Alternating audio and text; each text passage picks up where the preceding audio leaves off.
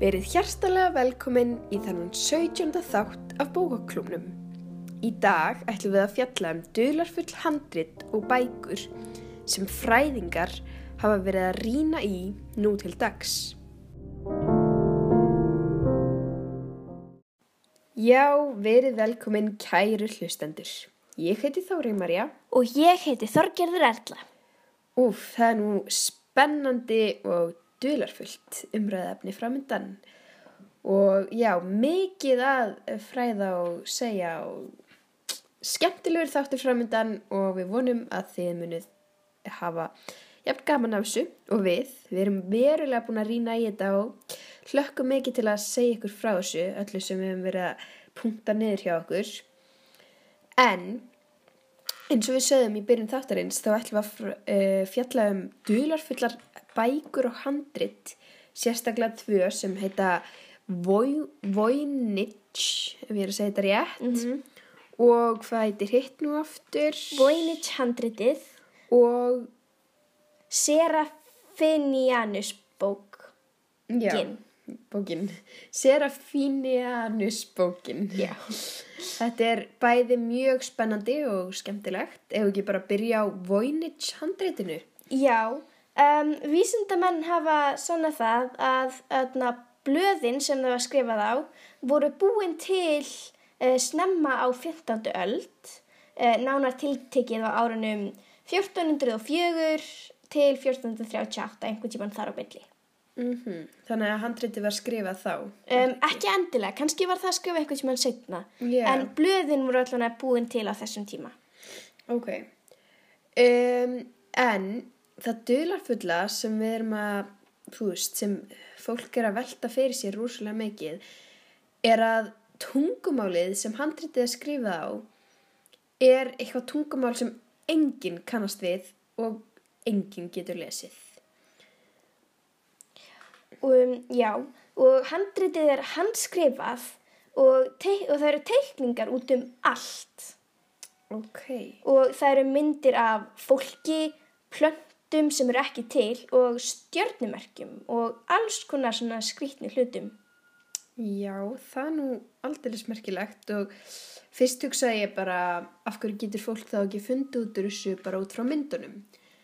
En síðan, víst þetta eru svona sérkennilega myndir eins og til dæmis plöntur sem er ekki til.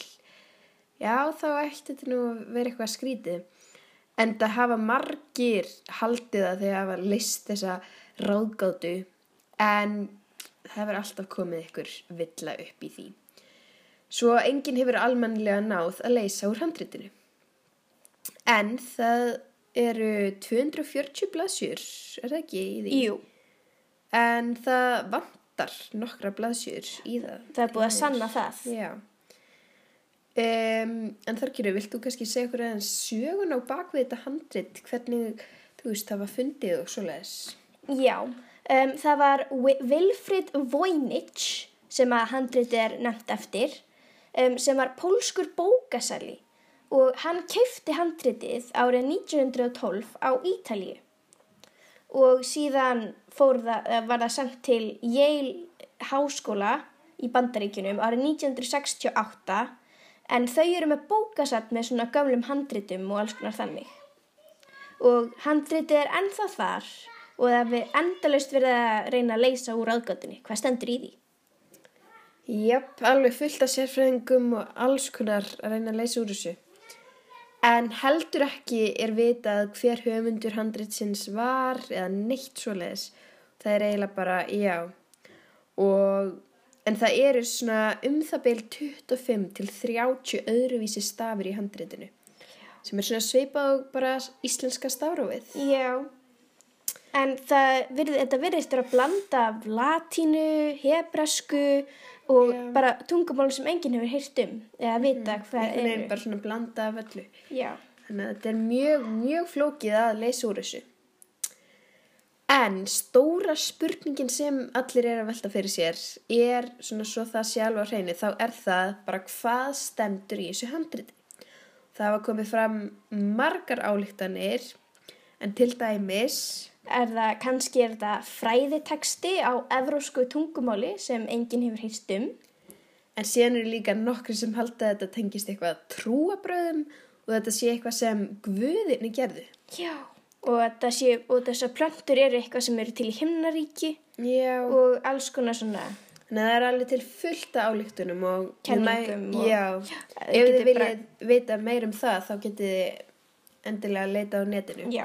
Bara mun eftir að passa ákvaða vefsíðum þið eruð að leita. á. Já, ekki bara hvaða vefsíð sem er. Nei.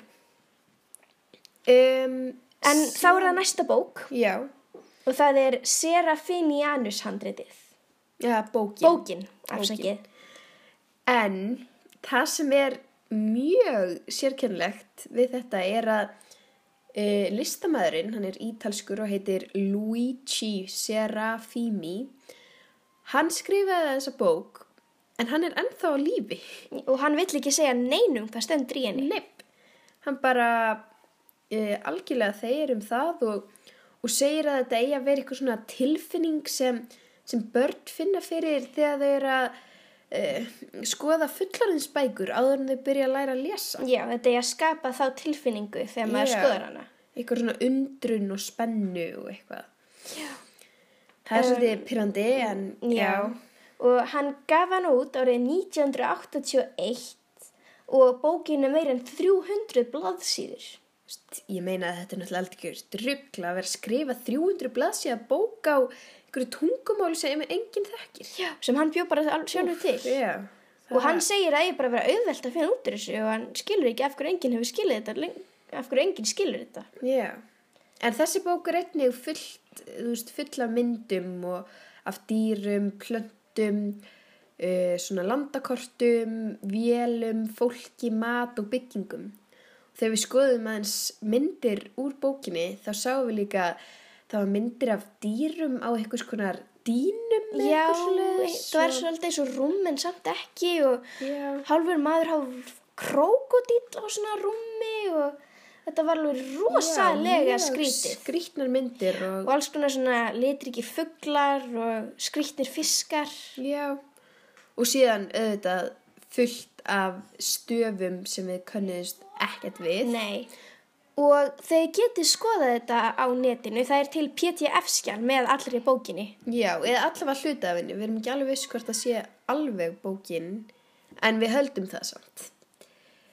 Um, en það hefur enginn ennþá náða að skilja þetta. Nema höfundurinn. nema höfundurinn og já, og það sem, já þannig að þetta er mjög dulafullt og, og svona spennandi að skoða þetta betur og já, við mælum endriði með því